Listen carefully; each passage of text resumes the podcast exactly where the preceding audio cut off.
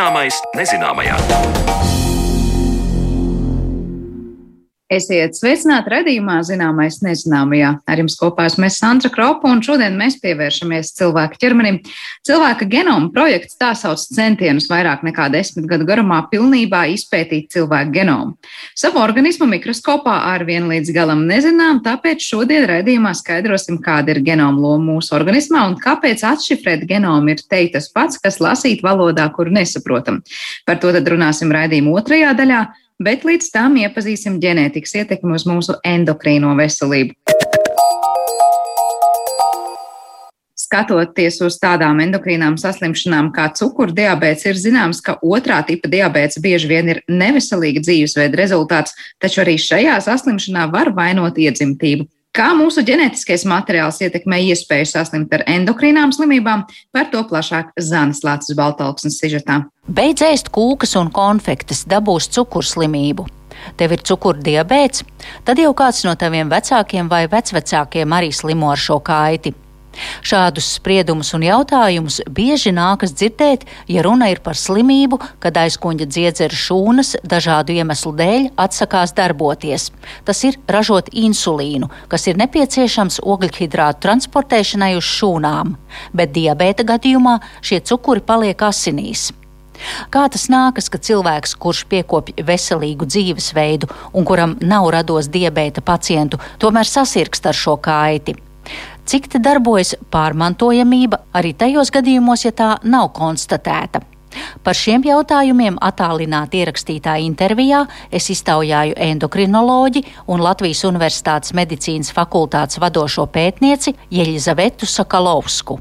Principā ģenētiskie faktori tur ir, viņi ir aktīvi, bet, ja mēs runājam par pirmā tipa cukura diabētu, varbūt jāatgādina klausītājiem tādām atšķirībām. Pirmā tipa cukura diabēts, kas ir retāka saslimšana, salīdzinot ar otrā tipa cukura diabētu. Un pirmā tipa cukura diabēts ir autoimūna slimība. Tas ir pats pats galvenais, kas nosaka to pamatu.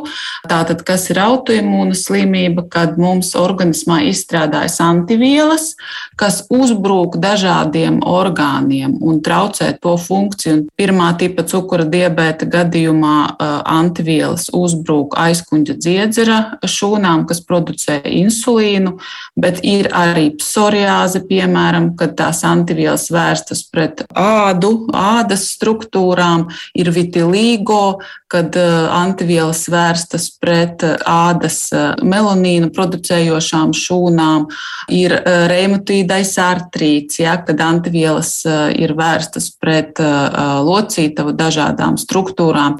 Un tieši pirmā tipa gadījumā šo ģenētisko predispozīciju nosaka gēni, kas ir atbildīgi par imūnās sistēmas pareizām funkcijām. Un, diemžēl bieži vien cilvēkam, kuram ir viena autoimūna slimība, ir arī vēl kāda cita autoimūna slimība. Un tas kā reiz arī ģimenēs ļoti labi ir izsekojams, kad, ja mammai vai tētim ir autoimūnais tirīdīts, tad bērnam ir lielāks risks gan uz pirmā tipa cukura diabētu, gan uz virsnieru autoimūnu mazspēju. Ja, tur šis ģenētiskais eh, faktors noteikti ir, bet ja mēs runājam par pašu pirmā tipa cukura diabētu, tad arī, ja ir pirmās pakāpes radniekam pirmā tipa cukura diabēts, tad risks saslimt ar šo slimību ir lielāks. Nu, tur ar pirmo tipa cukura diabētu nav ļoti labi vēl skaidrs, cik tieši cik procentiem, bet nu, no 20 līdz 30 procentiem tomēr risks ir lielāks salīdzinot ar populāciju vidēji. Bet, Elizabete, kā tas nākas, ka cilvēkam, kuram, kā zināms, neviens no radiniekiem, vecāki, vecvecāki, brāļi vai māsas neslimo ar cukuru diabētu, bet lūk, viņš ar šo kaitu saslimst. Nu, zināt, kā ir ar ģenētiskiem faktoriem, mēs jau nezinām, kas lācītim vēderā. Jā, tas arī viss vēl nav precizēts, tas nav izpētīts līdz galam.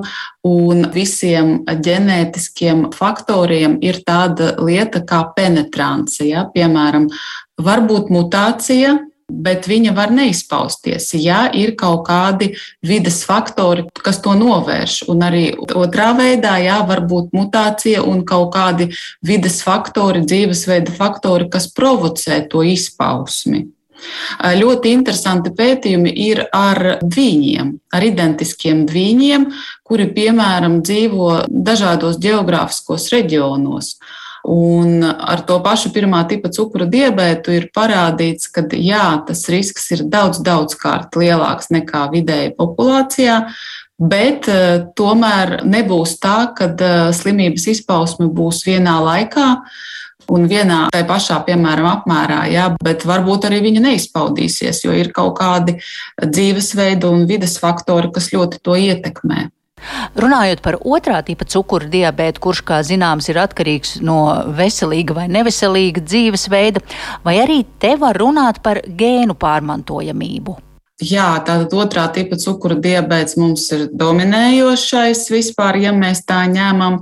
Un, jā, Latvijā, man liekas, tagad jau ap 100 tūkstošiem pacientu ir reģistrēti, un tas noteikti tas nav viss skaitlis, jo arī joprojām tā diagnostika mums pieklibo.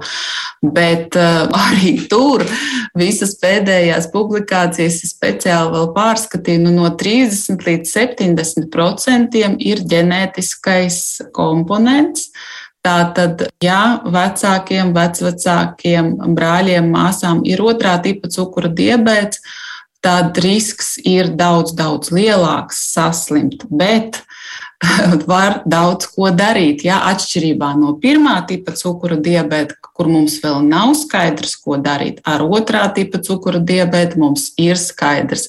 Nedrīkst uzbaroties un vajag kustēties un nedrīkst smēķēt. Tā kā tur tam dzīvesveidam ir pat šobrīd skaidrāka nozīme. Kuri tad ir tie provocējošie faktori? Tas ir mūsu rietumnieciskais dzīvesveids. Atgriežoties pie pirmā tipa cukura diabēta, tas, ja kādam no vecākiem ir šī slimība, tad cik ļoti viņam ir jāuztraucas, ka eh, viņa bērns var to pārmantot? Parasti vecāki, kuriem ir pirmā tipa cukura diabetes, viņi ir satraukušies par saviem bērniem. Pētījumi ir parādījuši, ka nu jā, mēs nezinām, ja būs bērnam vai nebūs šis cukura diabetes.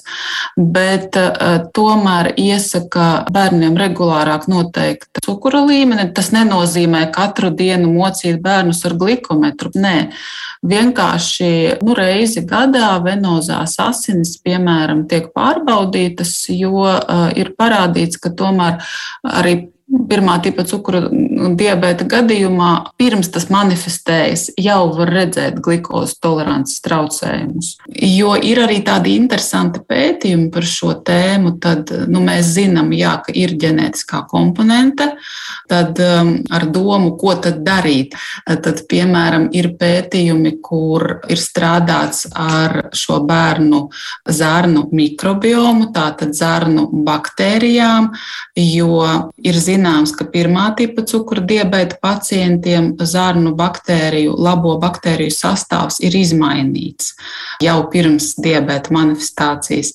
Un tas tiek vērots arī jau pirms tās manifestācijas, nu, ar domu to kaut kā mainīt un attālināt diabēta manifestāciju, tad ir pētījumi, kur ir dotas probiotikas, prebiotikas un pat transplantētas fēces, un ir pat izmantoti imūnu dažādi modulātori, tātad imūnmodulējošās vielas.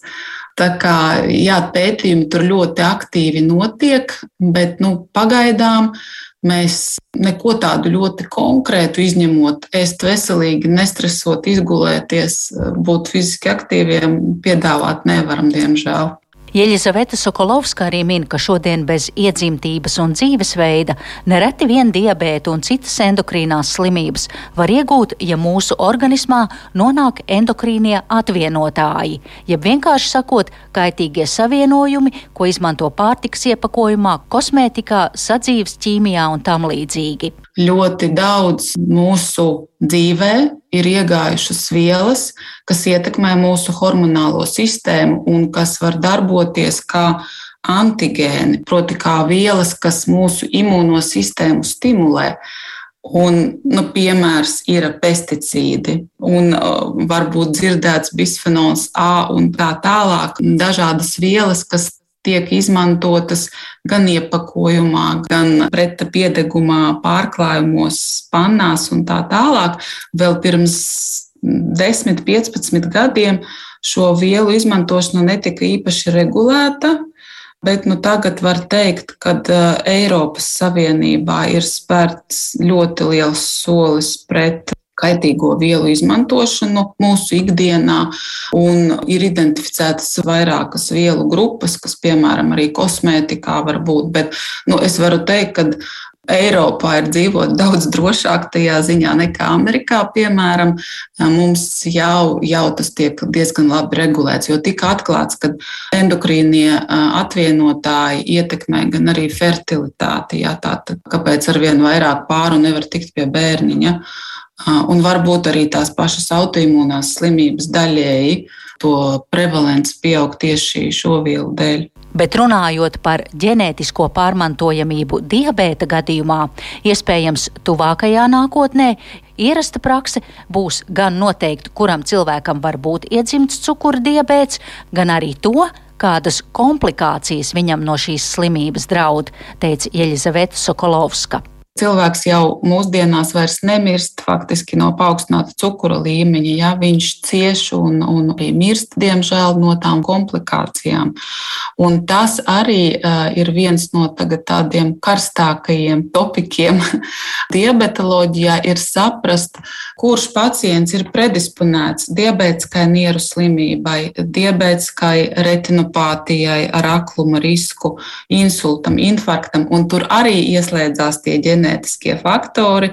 Un pat mēs savā pētījumā bijām dalībnieki lielā starptautiskajā konsorcijā, kur izdevās parādīt, ka piemēram daži varianti kolagēna gēnā predisponē pacientus diabētiskās nieru slimības attīstībai.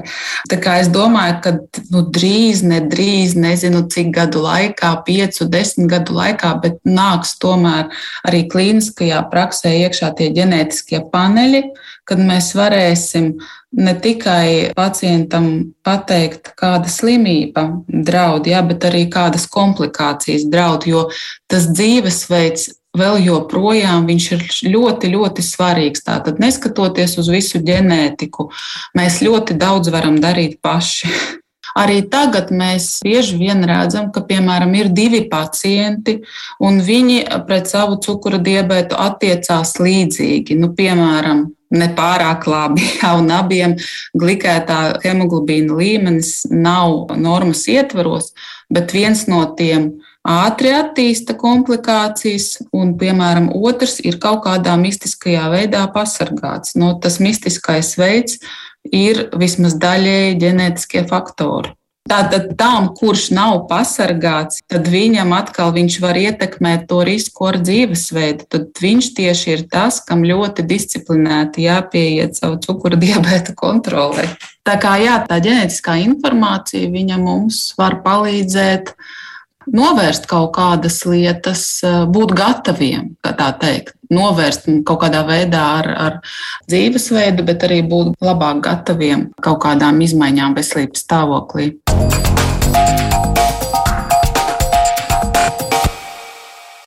Tik tālu par ģenētikas izpausmēm dažādu slimību veidolā, bet par to, kādu informāciju sevī slēpj cilvēka genoms, saruna pēc brīža.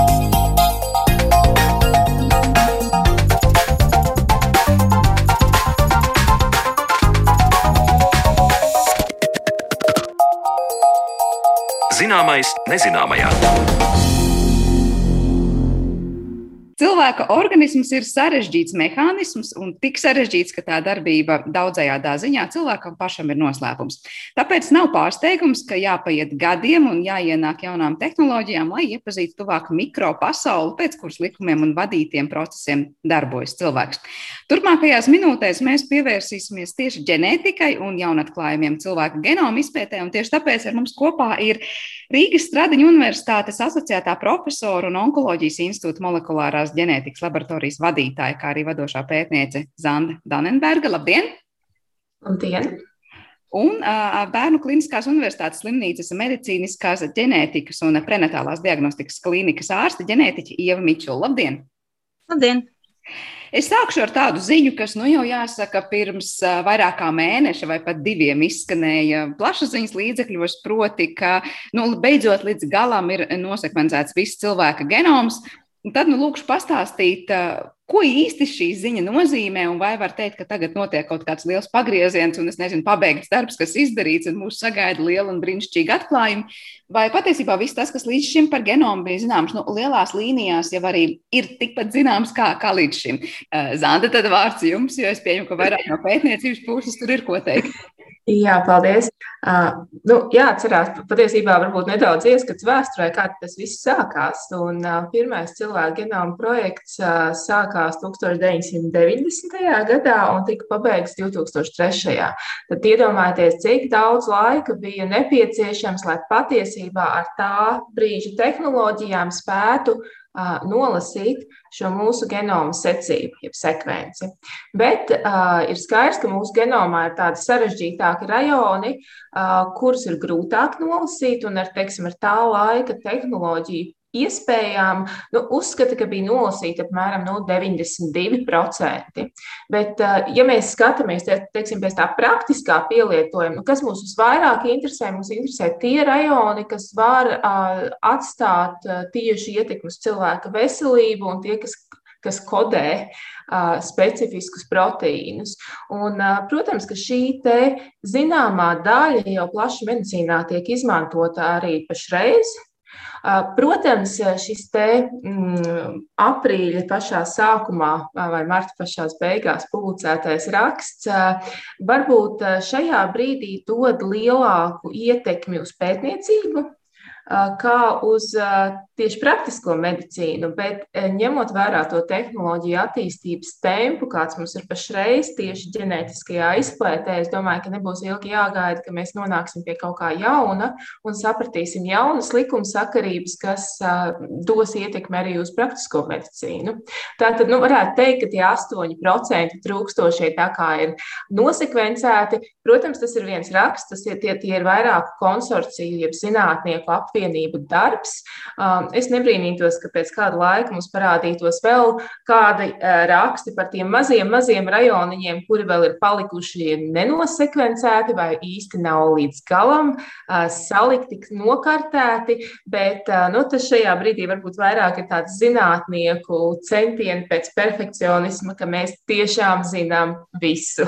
Bet eh, precizējot, tad tie 92% bija zināmi jau nu, 2000. gadu sākumā. Pašā bija palikuši tie 8%, kas tagad, ja mēs salīdzinām ar grāmatu, ko parasti par genomu mēs runājam salīdzinājumā, eh, ir uzzināti, ieraudzīti burti tajā grāmatā, bet vēl mums iztrūkst kaut kādi savstarpējie, nezinu, vārdu salikumi un to, kas uz, kā, uz ko attiecas, vai, vai cik tālu ar tiem astoņiem procentiem tad beig beigās mums ir skaidrība un kas tur vēl ir tie nesaprotamie laukumi, plankumi, kas nav zināmi. Ja, ja, ja tas ir jautājums man, tad uh, varbūt nedaudz ir jāatgriežas pie tā genoma uzbūves, lai saprastu, kas ir tas, ko mēs par viņu līdz šim nezinājām. Un, uh, nu, tagad pēc šī pēdējās publikācijas mūsu genomu uh, veido uh, 3 miljardi bāzu pāri, bet, lai saprastu, kas, kas tas ir, mums ir jāies, jāatgriežas pie pamatterminiem, kas ir DNS un kas ir šie bāzi pāri. Nu, tad uh, iedomājamies, ka katra katra mūsu organisma šūna satur šo te genomu, un tātad šis genoms, uh, genomu veido DNS molekulas. Tātad DNS molekulas sastāv no divām ķēdītēm, un katru šo ķēdīti veido šie burtiņi. Tātad DNS molekula mums veido burtiņi ACGT, un lai tās divas ķēdītes turētos kopā, tos burtiņus satur kopā ķīmiskas saites. Un tātad katrā ķēdē pa vienam burtiņam savienot ar ķīmisko saiti, tad mēs saucam par šo bāzu pāri. Bet ir skaidrs, ka šis genoms ir milzīgs un viņš kaut kādā veidā kompakti ir jāietilpina mūsu šūnas kodolā. Un tad tā organizācijas forma ir tās 46 chromosomas, par kuru mēs bieži ģenētikā runājam. Savukārt, ja mēs runājam par tādu terminu kā gēns, tad gēns patiesībā ir viena ļoti maza šīs DNS molekulas burtiņu secība, jeb sekvence, kurš satur recepti par to, kā mēs varam uzbūvēt uh, organismā mūsu pašu proteīnus. Un, uh, tā interesantā lieta ir tā, ka šīs receptes, šie gēni aizņem aptuveni 1 līdz 1,5% no visa kopējā genoma. Tad, protams, uzreiz rodas jautājums, kas tad ir pārējais. Un pārējās ir uh, sekvences, jeb burtiņu secības, uh, kurām daļai mums ir zināma funkcionālā nozīme, bet daļai mēs īsti varbūt arī līdz šim neesam izpratuši funkcionālo nozīmi. Un šīs te secības bieži vien ir svarīgas, lai uh, uzturētu šo chromosomu struktūru. Kāpēc? Jo chromosomas ir svarīgas ne tikai, lai uh, saglabātu šīs receptes, bet lai arī nodotu viņas nākamajai paudzei. Un tas ir svarīgs uh, moments, uh, kad notiek šūnu dalīšanās. Un tā ir vesela mašinērija, kas nodrošina to, kā chromosoma uh, vai šīs ģenētiskais materiāls tiek nodubultots un tad sadalīts jaunajās šūnās. Tātad mūsu genoms satur ne tikai receptes, bet arī funkcionālus rajonus, kas nodrošina šos pamatprocesus. Vēl viena lieta, par ko ir jā, jāatcerās, ka mūsu šūnas organismā ir ļoti dažādas. Mēs skatāmies viena uz otru. Šajā brīdī mums ir āda, mums ir mati, mums ir acis. Un ir skaidrs, ka ne jau visās šūnās vienlaicīgi tiek būvēti vieni un tie paši proteīni un tiek izmantotas vienas un tās pašas receptes. Tā taču nav. Jo tas, kādi proteīni šūnā tiek uzbūvēti, nosaka, kā tā šūna strādā. Un, attiecīgi, tas ir vēl viens regulācijas process, kas nosaka, kurā šūnā kura recepte tiks darbināta, jeb aktivēta. Un, attiecīgi, šie rajoni, kas līdz šim nebija zināmi, bieži vien bija tie rajoni, kas īsti varbūt nesatur gēnus. Kaut gan pēc šī jaunā raksta ir arī daži gēni, vai vairāk patiesībā simti gēni, kas ir, kas ir tā kā arī papildināt šo gēnu secības, bet katrā ziņā šie, bieži vien šie rajoni satur kaut kādus chromosomu struktūrālus rajonus, kuri sastāv no ļoti bieži atkārtotiem burtiņiem. Un, ja mums ir tūkstošiem atkārtojumu, ir ļoti grūti salikt šo atkārtojumu pareizo secību. Nu, ja kāds ir lasījis šo latviešu valodā populāru zinātnisko rakstu, tur bija ļoti labs salīdzinājums, kas ir kā puzles gabaliņi.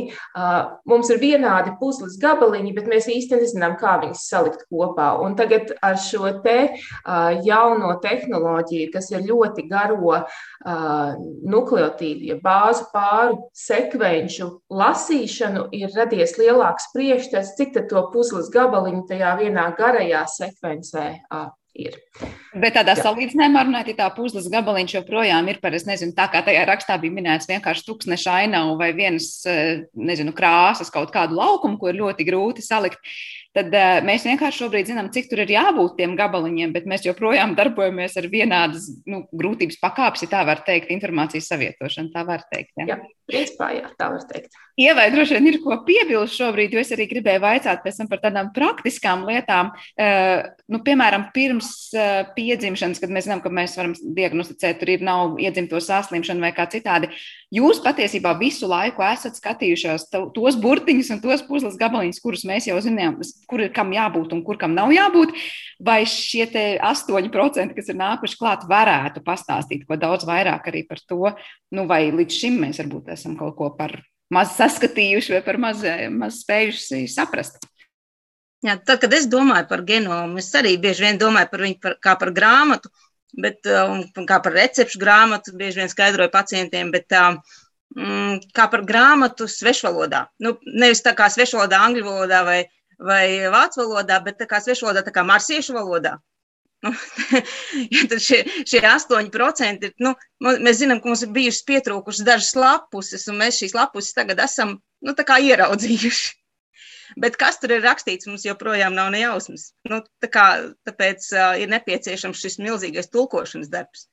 Un tas uh, tulkošanas darbs, manuprāt, jau tam zināmajam genomam, tam, kas bija līdz šim jau zināms, nu, par kādiem 30%.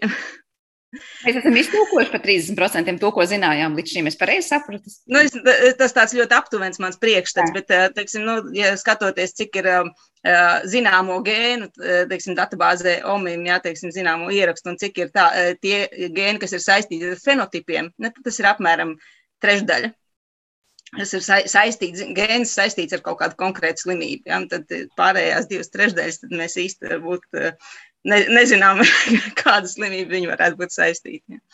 Tāpēc līdz ar to nu, tas, es tā no tā praktiskā viedokļa, nekā zinātnēks, es gaidu, ka uh, tas tulkošanas darbs ies uz priekšu. Princips tas, ka tā, tie burti ir nolasīti, tas vēl man maz ko dod. Jā, puse no uzvaras pat nav, jā, vēl ir liels, jā. liels darbs priekšā. Zantē, laikam bija kaut kas paskaidrojums vai piebilstams tikko pieminētā.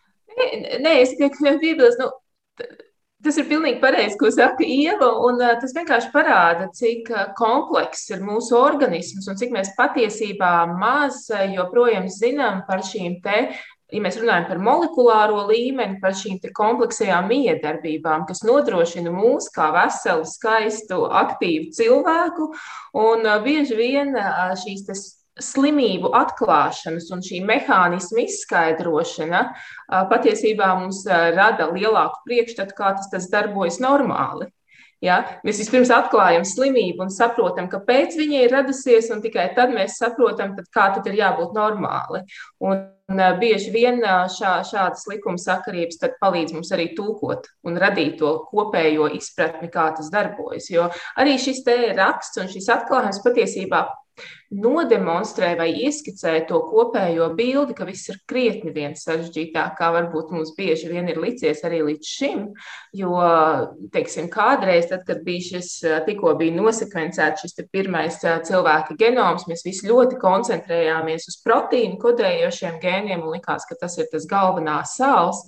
Bet tagad, skatoties uz šo genomu, mēs zinām, ka patiesībā pēc skaita vairāk ir RNS molekulu kodējošo gēnu kā proteīnu. Un šie, šīs molekulas ir ļoti būtiskas, lai regulētu šos proteīnu kodējošos gēnus. Līdz ar to arī izmaiņas šajos gēnos var atstāt ietekmi uz to, vai mēs esam veseli vai mēs esam it kā veseli, bet kādā dzīves posmā kaut kas noiet greizi. Jo nu, mēs jau neskatāmies cilvēku tikai piedzimšanas brīdī, mēs viņu skatāmies visu dzīves garumā. Tas par to zināmo un nezināmo genoma daļu ir lasīts par tādiem tā kā nu, reliktie gēni, vai kā tie tiek nosaukti, ka ir kaut kāda daļa, par kuriem mēs īsti nezinām, nu, liekas, nu, ko viņi tur dara. Viņi vienkārši tur ir.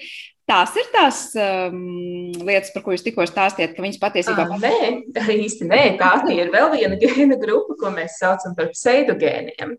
Kāpēc pseidogēni? Nu, ir, ir jāsaprot, ka cilvēka genoms evolūcijas laikā ir mainījies. Nu, viņš nav palicis tāds pats kā pirmotnējam cilvēkam, homo sapienam, kurš iznāca no, no, no Āfrikas. Un varbūt ņemot vērā, cik daudz esam pēdējā laikā dzirdējuši par Covid un par vīrusu genoma mainību. Nu, ar cilvēku genomu patiesībā savā ziņā tas notiek līdzīgi, bet tas laika posms ir neaptverami garāks.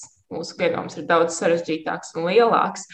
Un, uh, ir skaidrs, ka pirmotnējam cilvēkam ir bijuši gēni, kuri ir bijuši būtiski, uh, lai tas cilvēks izdzīvotu tajā laikā, vidē un apstākļos. Bet, uh, šo ģenētiskās mainības rezultātā šiem gēniem uh, ir izmainījusies kāda regulatorā daļa. Viņi ir, bet viņi vairs nav aktivējami.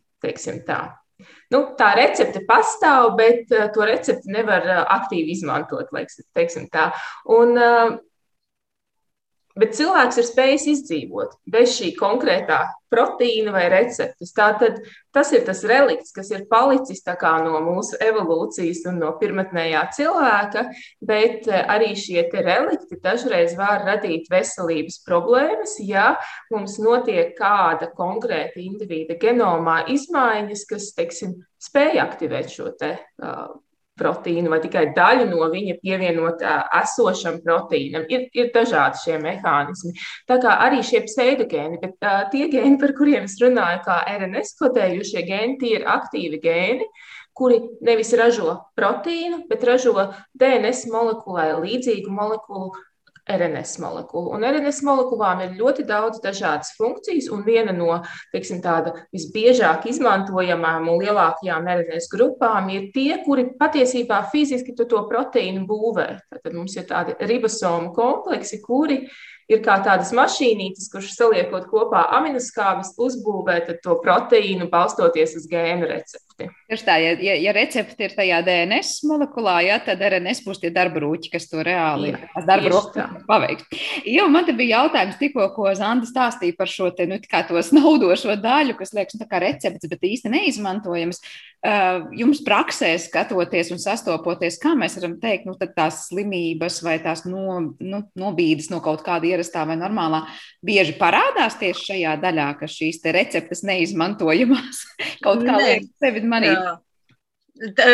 Šīs neizmantojamās receptes vairāk traucē diagnostikai. Nu, viņas reāli kā, tas ir tā pseidogēna būtība, ka viņš reāli nestrādā. Tas, protams, neatiec uz visiem pseidogēniem, bet, bet tā ideja ir tāda, ka viņš ir ļoti, ļoti līdzīgs īstajam gēnam, bet vienkārši nestrādā. Un tajā brīdī, kad mēs mēģinam diagnosticēt slimību un nolasīt, nolasīt uh, gēna secību, lai saprastu, vai viņā nav kļūda, tad uh, gēniem, kas ir uh, saturtos, kuriem ir tie pseidogēni, atrodot kļūdu, mēs nevienmēr varam īsti saprast, vai viņa ir tajā gēnā, kurš strādā, vai tajā gēnā, kurš nestrādā. Tad vai tas jau izjauc to gēnu funkciju vai nē.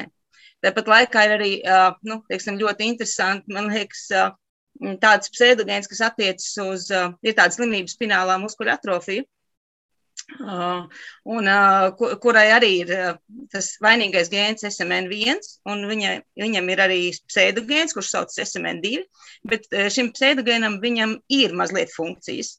Ja? Viņam, ir, viņam ir funkcija apmēram par 10% no normālā gēna. Un, līdz ar to tas ir kā slimības modificējošs faktors. Ja gēns SMN1 nestrādā, tad uh, atkarībā no tā, cik daudz cilvēkam šis SMN2 gēnu skaits, pseidogēnu skaits cilvēkiem var būt dažāds.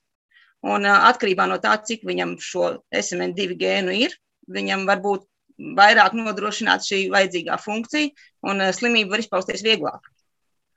Tāpēc nav tā, ka pilnīgi nevienam pseidogēnam nav nekādas funkcijas. Un kas ir vēl interesanti, ka, piemēram, šie pseidogēni SMN2, viņi ir raksturīgi tieši cilvēkiem. Nu, teiksim, pelēm Viņu nav. Viņas, viņiem ir tikai eh, SMN1 gēns, un ja viņš nestrādā, tad tāds pelīts nav. ja. Savukārt cilvēkam ir šis SMN2 gēns, kurš mazliet šo funkciju nodrošina, un tāpēc cilvēks piedzimst, bet viņš slimo ar smagu slimību, kur, kur, kur, kur izpaužas tāpēc, ka viņam ir eh, gēns, kurš mazliet šo funkciju spēj nodrošināt. Bet tad, kad jūs sakāt, gēns strādā vai nestrādā, es atvainojos par muļķīgiem jautājumiem, bet kā jūs to, piemēram, ieraugāt kā ģenētiķis, tad, kad jūs diagnosticējat? E, ne visiem gēniem tas tā ir vienkārši nosakāms, bet e, nu, idejas, mēs skatāmies pēc cilvēka klīniskās ainas, viņš atbilst šai slimībai, bet nu, tas, ko mēs mēģinām pierādīt, kuriem gēniem tas ir iespējams, ar kaut kādiem nu, dažādiem bioķīmiskiem, teiksim, marķieriem, vai tas, vai, teiksim, kaut kāds enzīms, ja gēns kodē kaut kādu enzīmu, kuram, nu, tad mēs atrodam šajā gēnā mm, mutāciju, izmaiņu, kas šo gēnu mēs domājam, ka izslēdz, mēs mēģinam noteikt šī enzīma aktivitāti ja tā enzīma aktivitāte ir uh, samazināta, nu, tā tad jā, mēs redzam, ka šī, šī tieši konkrētā izmaiņa šo gēnu ir izslēgusi. Lai gan tā, teiksim, no paša sākuma vienkārši atrodot izmaiņu gēnā, mēs nevaram izdarīt secinājumu, ka pilnīgi noteikti šī izmaiņa gēnu izslēdz. Jā, tas līdzīgi kā drukas kļūda grāmatā. Reizēm drukas kļūda ir pilnīgi nenozīmīga, teiksim, garumzīme pazudusi, un tāpat mēs to vārdu saprotam un visu spējam saprast. Tāpat laikā var būt citas drukas kļūdas, kuras ir ļoti būtiski izmaina visu nozīmi. Ja? Tāpēc, tā, un tā kā šī ir valoda sveša, šī ir grāmata pilnīgā svešvalodā, mēs nezinām, kura drukas kļūda ir būtiska un kura nav. Jā, tas tāds lielisks salīdzinājums, lai saprastu, cik ļoti dažkārt tās izmaiņas ir vai nav būtiskas. Tiešām ar vārdu, kuru mēs lasot, varam sajaukt visu kontekstu, par ko ir stāsts. Uh, bet tajā brīdī, kad jūs šobrīd, piemēram, diagnosticējat kaut ko, jūs varat teikt, nu, grāmatas kontekstā runājot, jūs meklējat tās drukas kļūdas, jūs vienkārši lasat, kādi vārdi tur ir, vai jūs zinat, kādi vārdi ir jāmeklē un skatāties, ir vai nav konkrētajā materiālā tādas un tādas lietas. tas, ko mēs, kad mēs sūtām uz diagnostiku, mēs lūdzam laboratorijai, teiksim, nolasīt, nu, vai tas ir viss zin, zināmie klīniski zināmie gēni, vai tas ir kaut kāda daļa, kas ir saistīta ar konkrētu slimību grupu. Mēs lūdzam atrast drukas kļūdas viņām. Un, teiksim, tas, ko laboratorija redz, viņi redz ļoti daudz drukas kļūdu. Nu, teiksim, nevis tā kā drukas kļūda, bet teiksim, tās vietas, kuras atšķirās no pieņemtā vispārējā, vispārējās secības. Viņi, viņi tās redz tūkstošiem tad viņi atsīja, atsījā nost tās atšķirības, kuras ir ļoti daudziem cilvēkiem. Kuras ir pieņemts, ka tas ir vienkārši polimorfisms, ka tas ir vienam cilvēkam tā, otram tā, un tas neko sliktu nenozīmē. Ja.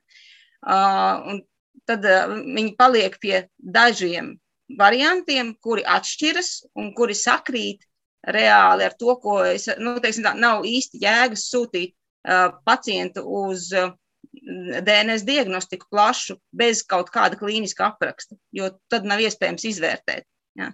Tās atrastās izmaiņas tiek izvērtētas saistībā ar pacienta klīnisko aprakstu, un, ja viņš tam varētu atbilst, tad laboratorija dod atbildi. Mēs atradām tādas un tādas izmaiņas, izvērtējiet, vai tas der jūsu pacientam.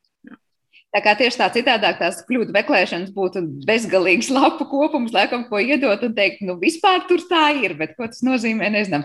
Zanda, vai mēs varam teikt, ka nu, šis tagad atklājums un tehnoloģijas, kas nāk tālāk, var ļaut labāk tomēr saprast, ka daļa no tiem kļūdu labo uh, drukas kļūdām ir būtiskas, ko mēs līdz šim uzskatījām, ka nav nemaz tik būtiskas, vai gluži otrādi. Nu, proti, vai mēs mainīsim to, kā, kā interpretēsim to gēnu grāmatu?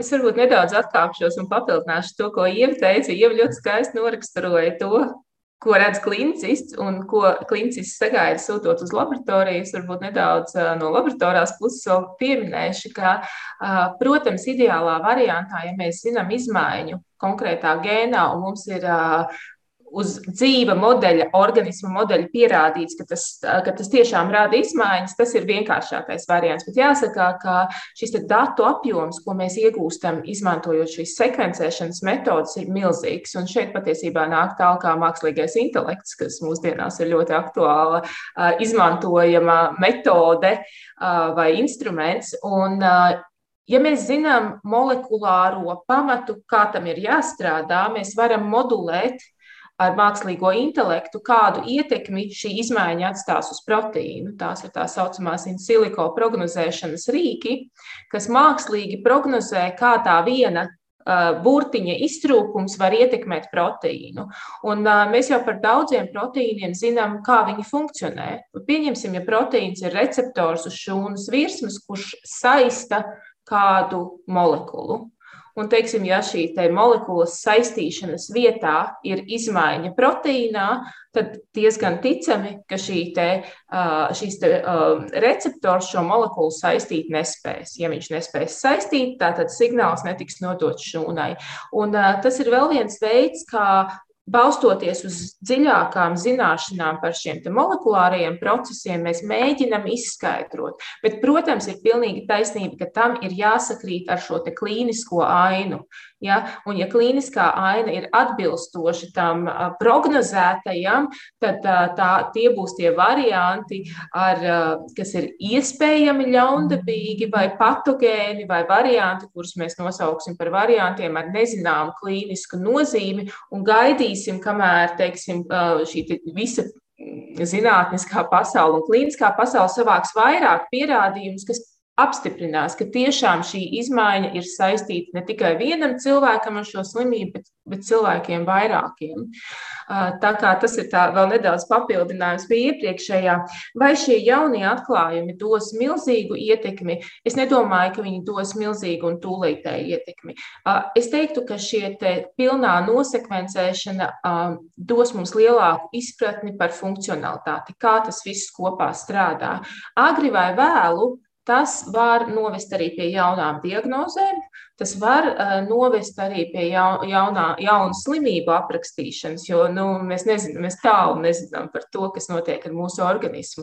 Jo, ja es atgriežos pie tā, ko es stāstīju raidījuma sākumā par to, ka uh, šis DNS mums ir sakārtota chromosomās, tad, kad chromosomas atrodas šūnā un šūna nedalās, bet dara savu normālo darbu, patiesībā tā vieta, kur katra DNS molekulas daļa atrodas, arī ir stingri noteikta.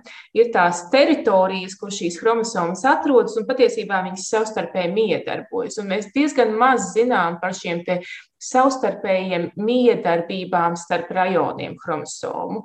Un, teiksim, šādu te papildināšanu, šie 8% var mums dot lielāku izpratni kā šie chromosomu rajoni savstarpēji sadarbojas, kas tieši ietekmē šo pašu recepšu lasīšanu un funkcionalitāti.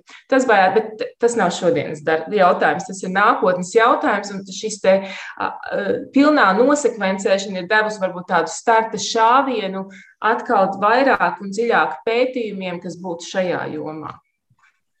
Ieva, kāds varbūt komentārs par, par to, cik ļoti tas starta šāviens ir tāds vairāk iedvesmas, iedvesmas spēriens, vai, vai tiešām sagaidām kaut ko, nu, tūdaļ, tūdaļ jau, jau un, un, un negaidām. Šajā gadījumā man jā, pilnībā jāpiekrīt Zandai, jo pirmkārt viņa stāv vienkārši tuvāk tai sadaļai, kas ir tas, tā teorija. ir iegūta kaut kāda teorētiskā bāze, kur tālāk ir jātulko, ko darīs zinātnieki, un es tad saņemšu to jau gatavo rezultātu kā klīnicists mēģināšu to izmantot tad, kad jau būs vairāk dati pieejami. Bet jā, tas ir vēl liels darbs priekšā. Bet noslēdzot šo sarunu, es zinu, ka pēdējā laikā nu, izteikti interneta vidē mēs varam redzēt reklāmas, kas saka, ka tagad ir daudz lētāk un pieejamāk nosaknēt savu genomu vai izmantojot to iespēju. Jūs vairāk jūtat, tas ir tāds mārketings un iespēja, kur kaut kādiem, es nezinu, nišas uzņēmumiem izpausties. Vai cilvēkam reāli vajag šobrīd, es nezinu, izmantot iespēju un tagad sekvenēt visu to savu genomu, vai patiesībā lielās līnijās viņš neko jaunu par to neiegūs? Proti, nu, viņš pat nezinās, ko ar to visu darīt. Zanda. Nu, ja man ir jāsaka, tad eh, es domāju, tas ir tāds, nu, mm, jā, tā savā ziņā ir mārketinga niša. Uh, un uh, bieži vien cilvēki uh, veic šādu pilnu genomu sekvenēšanu, kas nav īsti balstīta uz, uz medicīniskām indikācijām, teiksim, lai saprastu savu izcelsmi. Cilvēkiem ir ļoti liela interese teiksim, par saviem priekšstečiem un savu izcelsmi, un īpaši, es domāju, tas vairāk ir raksturīgs tā, tām populācijām un to kontinentu populācijām, kur ir notikusi ļoti liela migrācija, ja teiksim, nu, no vecās Eiropas teiksim, uz jauno pasauli, un tad cilvēkiem interesē, kur kas ir bijuši viņu senči, ko, protams, var pateikt arī no šī, šām analīzēm. Protams, mēs varam atrast arī tā saucamos riska faktorus mūsu genomā, kas rada mums noslieci uz kādu no uh, slimību attīstības. Bet uh, šāda veida informācija bez profesionāla ģenētiķa interpretācijas patiesībā rada, manuprāt, cilvēkam lielāku stresu kā labumu. Un, uh, man ļoti gribētos uzsvērt, ka, ja mēs interesējamies par mūsu senčiem, nu, tas, tas, ir labi, nu, tas ir tā ir jūsu intereses apmierināšana, jūs esat gatavs maksāt par šo savu interesi. Bet, ja jūs gribat uh, to saistīt ar, ar medicīnu, tad uh, šeit būtu ļoti svarīgi, ka tas ir profesionāls un ka tas ir ģenētiķis, kas interpretē šos jūsu iegūtos datus. Jā, tur laikam būtu ļoti viegli saķert galvu šausmās, jo arī jau pirms tam minēja, ka tur patiesībā var ieraudzīt ļoti daudz, kā, kas iespējams var novest pie konkrētām saslimšanām, bet tikpat labi arī, arī nē. Ja būs vēl kāds noslēdzošais vārds pie šī? Jā, es gribu arī pieminēt, ka cilvēki reizēm nu, domā, nu, es tagad uh, uztaisīšu to analīzi, un es tagad visu zināšu, bet ņemot vērā, ka mēs uh, tiešām zinām ļoti maz, uh, tad uh, tas, ka jūs uztaisīsiet šodien to analīzi, nenozīmē, ka ka nu, tā, tā, tie paši dati, tie paši, ko mēs varam iegūt šodien, izlasot kādu cilvēku genomu, nenozīmē to, ka mēs zinām to pašu par viņu. Teiksim, pēc pieciem gadiem mēs paskatoties uz šiem pašiem datiem, atklājam kaut ko jaunu. Mēs varam šim, ja mēs kādreiz teicām, nu, mēs jums vienreiz uztaisam to ģenētisko analīzi, tā jums tagad paliek uz visu mūžu nemainīgi. Mēs tagad zinām, kas jums tur ir. Tad šobrīd mēs tā vairs nesakām. Mēs sakām, mēs jums šodien uztaisīsim analīzi, bet varbūt, pēc diviem gadiem, varbūt, pēc četriem gadiem, pieciem gadiem mums ir jāskatās uz viņiem vēlreiz, jo mēs varam uzzināt kaut ko vēl papildus. Jo vienkārši tā, tā informācija, zinātniskā informācija nāk klāt. Jā, tā kā var teikt, burti ir ieraudzīti, mēs zinām, ka, kam tur ir jābūt apmēram. Mēs zinām, ka grāmatā ir tik un tik nodaļas, bet kas tieši tajās ir rakstīts, vēl patiesībā ir gan ilgs ceļš ejams, lai to, lai to pilnībā saprastu. Tā es in interpretēju jūsu teikto. Paldies jums abām par sarunu. Es atgādināšu, ka Rīgas Stradiņa Universitātes asociētā profesora un Onkoloģijas institūta molekulārās ģenētikas laboratorijas vadītāja un vadošā pētniece Zanda Daneberga bija šodien pie mums studijā, tāpat kā Bērnu Kliniskās Universitātes slimnīcas medicīniskās ģenētikas ģenētikas un prenatālās diagnostikas klīnikas ārsta ģenētiķa Ieva Mičula. Ar to arī raidījums ir izskanējis, un par to parūpējās producenta Paula Gulbinska, mūzikas redaktors šais un bija Girds Bišs, bet pirms kopā es, Sandra Kropa. Uz tikšanos!